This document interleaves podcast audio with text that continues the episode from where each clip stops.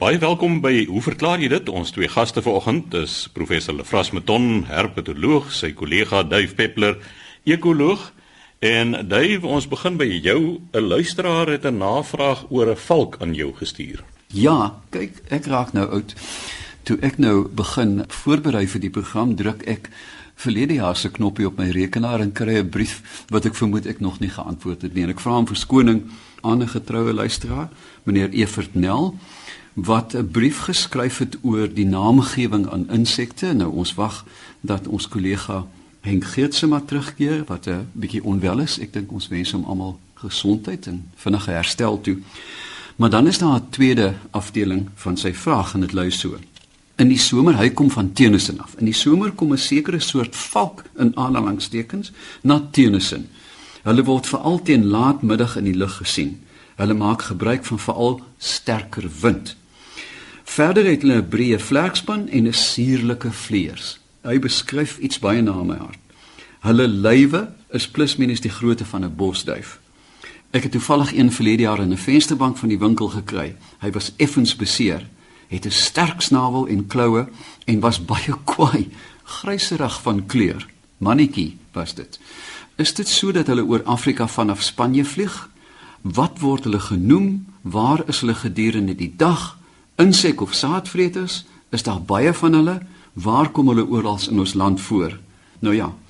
Meneer Nel, jy kan my sekerlik nie 'n beter vraag gevra het nie want ek het 'n groot deel van my loopbaan spesifiek aan hierdie voel gelei en kom ons luister gou hoe klink hy voor ek hom finaal uitken.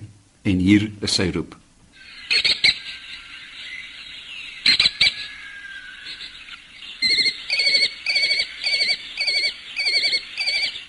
Nou kom ons begin by die begin. In 1991 is ek genooi na die Universiteit van Canterbury in Engeland om een van die sekerlik verveligste referate van alle tye te lewer oor die jaggedrag van die Europese boomvalk wat ek in daai stadium bestudeer het. Gelukkig was dit 'n klein kongres, Lefras, jy sal saamstem. Deesdae is dit vir my 'n groot plesier om na 'n toegewyde klein kongres te gaan in waar nie duisende mense nonsens praat nie, maar waar 30 mense nonsens praat. In elk geval daar was in die orde van 50 mense wat hulle toegespits het op die biologie en bewaring van klein valke reg oor die wêreld. Natuurlik daar is almal koning en almal luister aandagtig want dit is nou 'n baie gefokusde onderwerp. Ek het nou aangedreun oor my valkie en na die tyd sit daar 'n klomp vaal Spanjaarde. Mense met name soos Jesus Maria en Juan. Hulle skuifel nader en sê hulle het gewonder of ek as Afrikaan iets weet van die klein rooi valk. Sê ek ja, ek sê ek vermoed dat in Wellington, 'n klein dorpie naby my, is daar meer van hulle in een boom as die Spaanse bevolking. Dit het hulle niks van gehou nie. Hulle was met reg vies omdat sedert 1950 toe daar 100 000 broeipare in Spanje was, waar daar vandag minder as 2000 broeipare is. Dit was een van die grootste afnames in bevolkings, voelbevolkings bekend in die vorige eeu. Die redes daarvan soos later besoek. Maar in elk geval, daar het die klein rooi valk gog aan my gebyt in die volgende 15 jaar het ek byna niks anders gedoen nie. Hierdie soektog na hulle het my reg oor die wêreld geneem. Maar kom ons kyk waar kom hulle voor en hoekom kom hulle Afrika toe? En dit beantwoord helfte van u vrae meneer Nel. Die klein rooi valk kom voor van Spanje in die weste tot sover as Mongolië en selfs 'n bietjie verder in die ooste. Met ander woorde, dit staan bekend as die Palearktiese gebied. Nou, die groot wetenskaplike Newton het hier in die 1980s 'n baie interessante referaat gelewer oor waarheen migreer Europese voëls. Jy kan Afrika byna in die helfte deursny in sy lengte en Wes-Europese voëls vlieg na Wes-Afrika. Die van die ooste kom gewoonlik met die Slenkdal of die Skeurvallei via Eilat en Arabië filter hulle in Afrika in. In die orde van 50 miljard voëls per jaar maak hierdie migrasie mee. Die rede is baie eenvoudig met die noordelike winter is daar eenvoudig nie kos nie vir al die insekvreters nie. Met ander woorde, die ooievaars, die roofvoëls vorm 'n tregter en dan voer hulle in Afrika waar hulle kom oor winter. Hulle broei nie hier nie, hulle vlieg weer terug.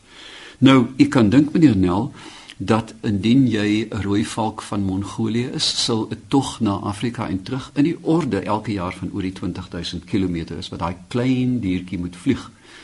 Dis niks vreemd nie as jy dink aan die klein bossangers, rietsangers wat van Engeland af Kirstenbosch toe vlieg. Hulle weeg 7 gram en hulle hop eenvoudig soos 'n klein balletjie oor Afrika, oor die see.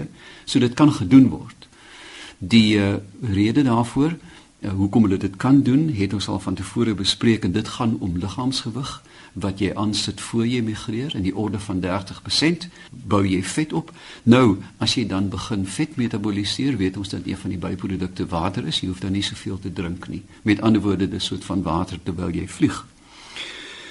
Maar nou uh, het dit duidelik geword dat hierdie bevolking kwantumafnames getoon het oor die afgelope 50 jaar van reg oor hulle bevolkingsgebied. Maar een van die tergende vrae in Nel was altyd waar kom die hoofbevolking vandaan? As Spanje net sinema 4000 voeltjies het, waar op aarde kom die 200 000 vandaan wat in Suid-Afrika in migreer elke jaar?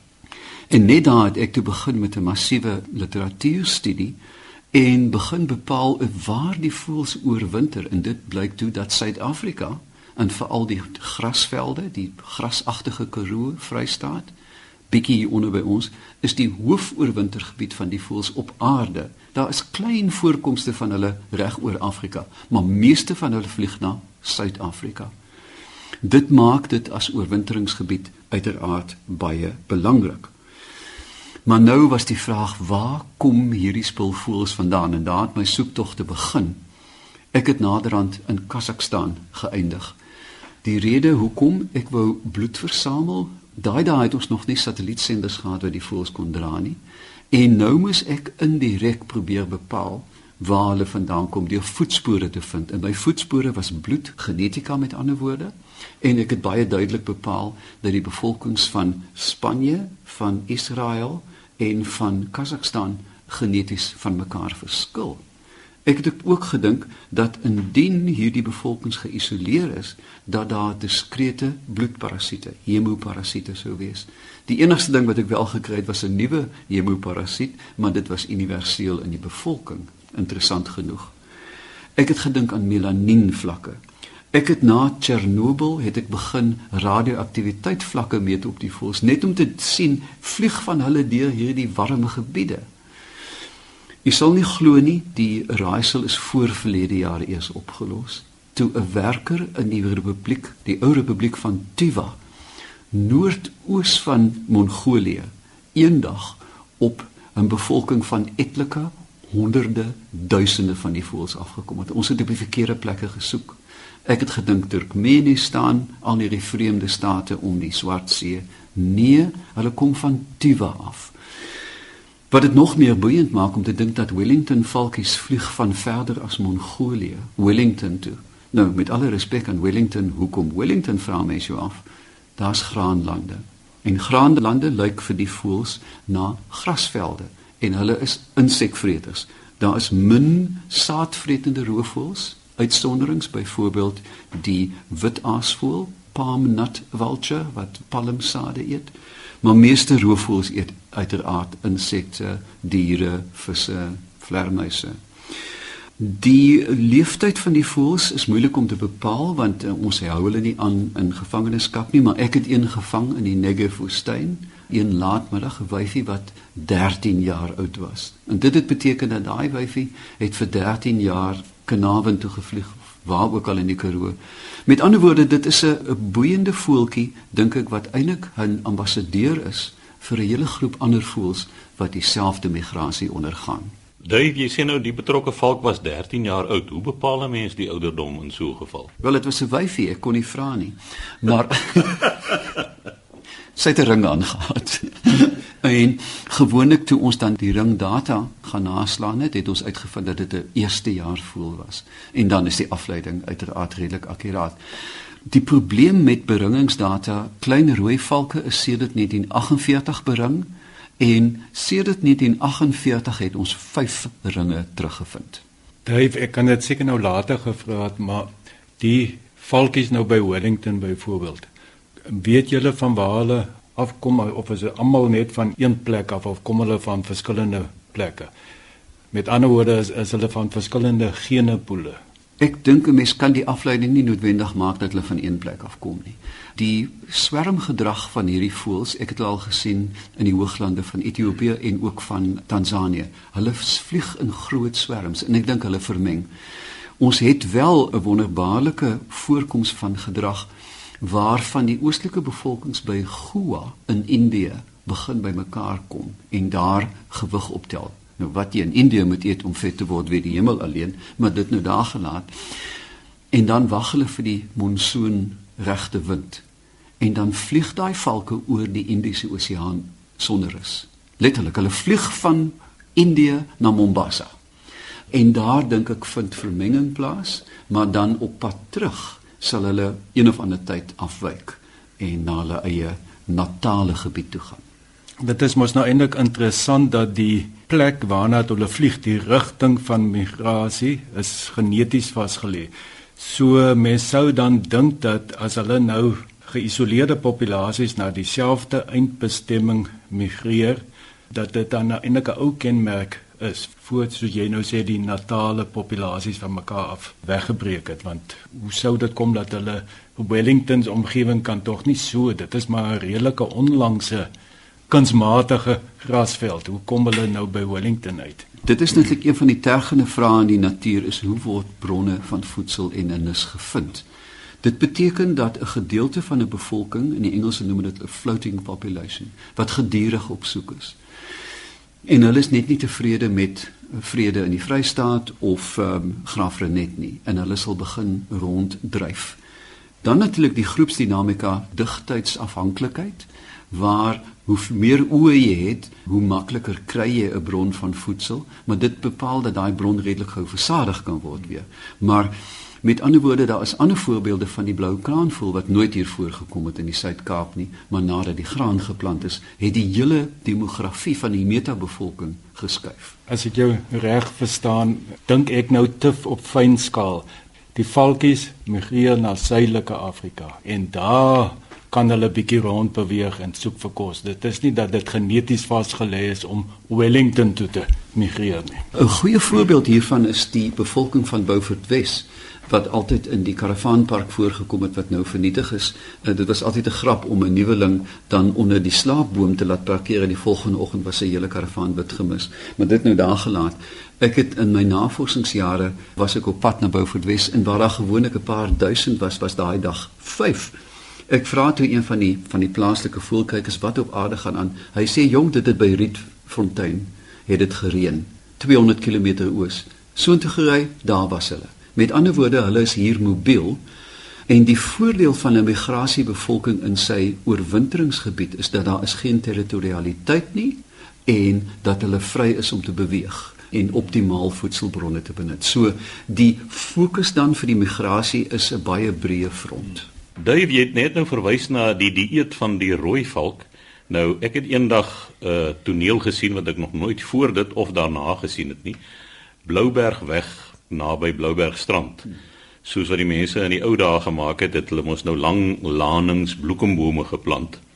En ek het van die see se kant af gekom en skielik hierdie vlerk gesuis, vlerk geklap gehoor en dit was 'n duif, maar dit was so vinnig ek kon nie om identifiseer nie, maar in daardie area kry jy baie van die groot ringnekduwe en 'n valk was agter hom aan.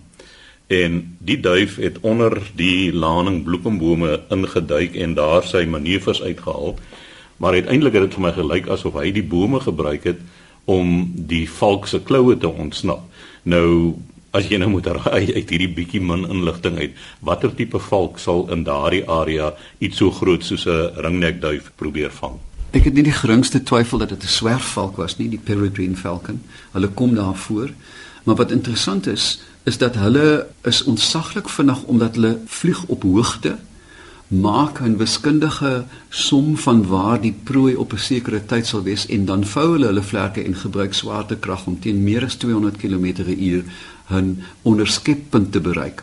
Maar in gelykvlug vlieg 'n duif vir hom weg Hy kan eenvoudig net nie die spoed bymekaar kry nie. Dit kon onmoontlik nie van my groep valkies gewees het nie, want hulle is uitsluitlik aangepas om ten beste 'n klein muis te eet, maar hoofsaaklik insekte en veral termiete. Hulle is baie lief vir vleiende termiete, maar dan, soos jy weet, elke 2 en 'n half jaar, sê die statistiek, is daar uitbraak van Karoo bruinsprinkane en dan is die rooi valke in hulle element.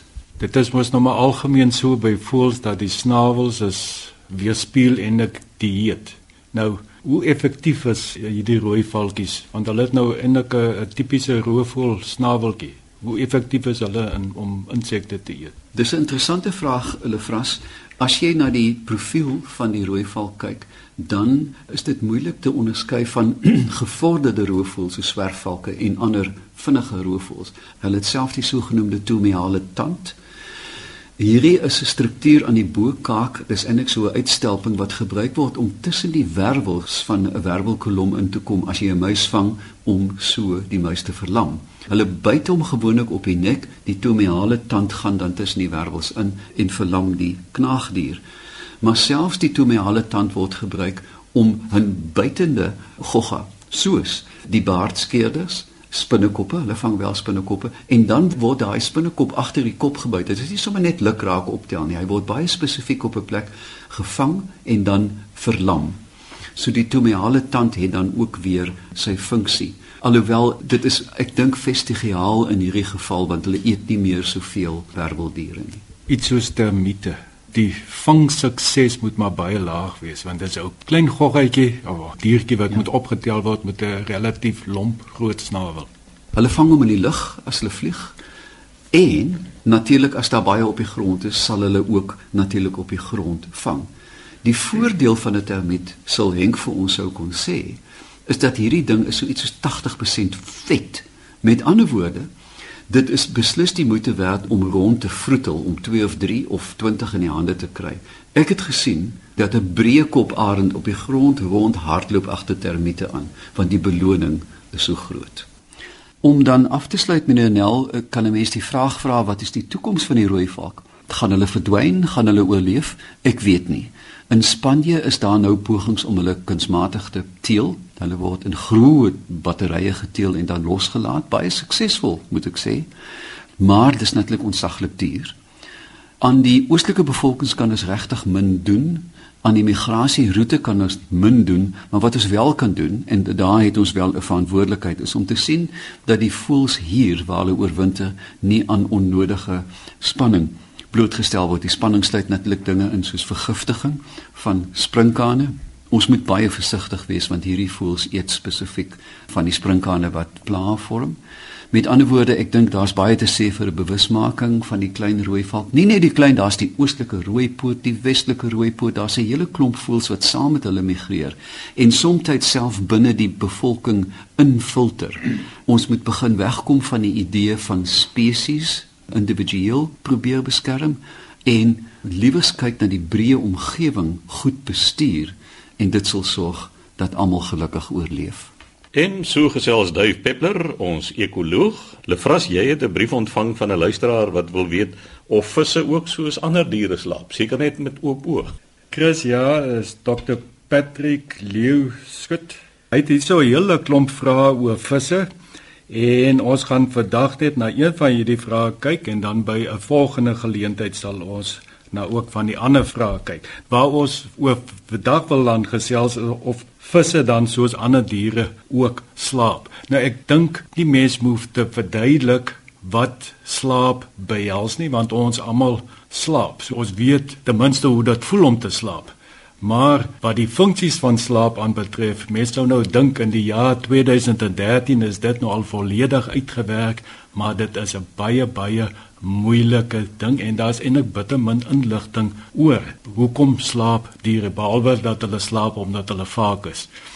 Dis eintlik die enigste ding wat ons vir feit weet, hulle slaap omdat hulle vaak raak visse en die meeste ander diere is daar wel vasgestel dat hulle slaap. Die probleem is wanneer mens verskillende diere vergelyk is omdat slaap is nie altyd dieselfde ding by verskillende diere nie. 'n Vis slaap heeltemal anderste as wat 'n voël sal slaap as wat 'n soortdier sal slaap. Ons weet almal 'n hoenders gaan lê nie op die grond en raak heeltemal pap as hulle in diep slaap is nie. Hulle staan op een been en die ander been kan onder die lyf ingevou wees, kop onder die vlek, maar hulle is nie pap nie. Baie soogdiere wat op die oop vlaktes lewe, groot herbivore, staan in slaap. Alhoewel hulle soms vir baie kort tydjies sal gaan lê, geskied die meeste van die slaap terwyl hulle staan. So slaap as 'n proses is kompleks en dit bestaan uit verskillende tipes van slaap. En die mens, ons weet ook in die aand gaan ons deur verskillende fases. Jy's eers so halfpad, half semi wakker, semi aan die slaap en as jy so bietjie dieper in die slaap en dan is daar tyd wat die oë baie vinnig beweeg en wat mens nou in diep slaap is.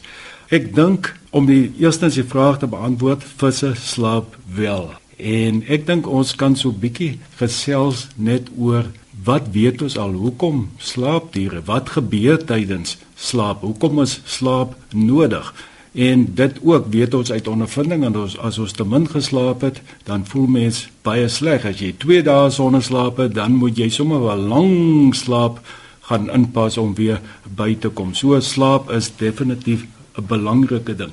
Wat die mense of die navorsers nou al uitgevind het is dat Eerstens is dit 'n anaboliese toestand. Met ander woorde, dit is 'n fase van herstel en opbou van verskillende weefsels en prosesse. Dit is wanneer groei plaasvind en veral die immuunstelsel skynbaar Slaap is baie belangrik vir die onderhoud van die immuunstelsel en hulle het dit uitgevind met baie eksperimente op rotte byvoorbeeld as hulle rot van slaap weerhou dan daal die witbloedsel-telling daal aansienlik tot 20%. En by diere wat langer tydperke slaap, ek, ek bedoel nou spesies wat meer slaap as ander spesies, het dan ook normaalweg 'n baie hoër witbloedsel-telling. So dit dui dat iets met die immuunstelsel, slaap is belangrik vir die immuunstelsel vir die groeiproses, veral met ontogenetiese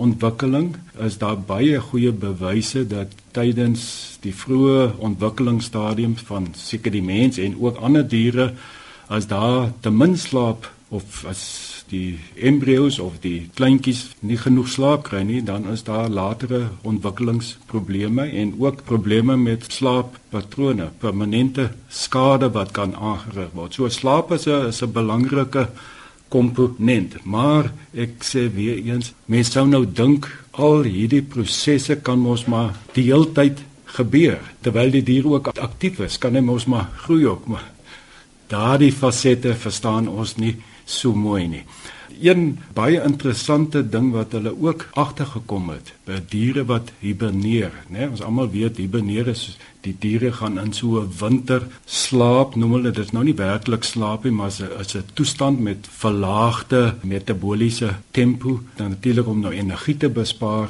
Diere wat uit daardie winterslaap uitkom, kon dan nou slaap want tydens hibernasie kon hulle nie slaap nie. So die twee goed gaan nie saam hiberneer en slaap nie. Dis twee verskillende prosesse. So dan moet die diere nou eers 'n tydperk slaap. So dit wys net die kompleksiteit van slaap.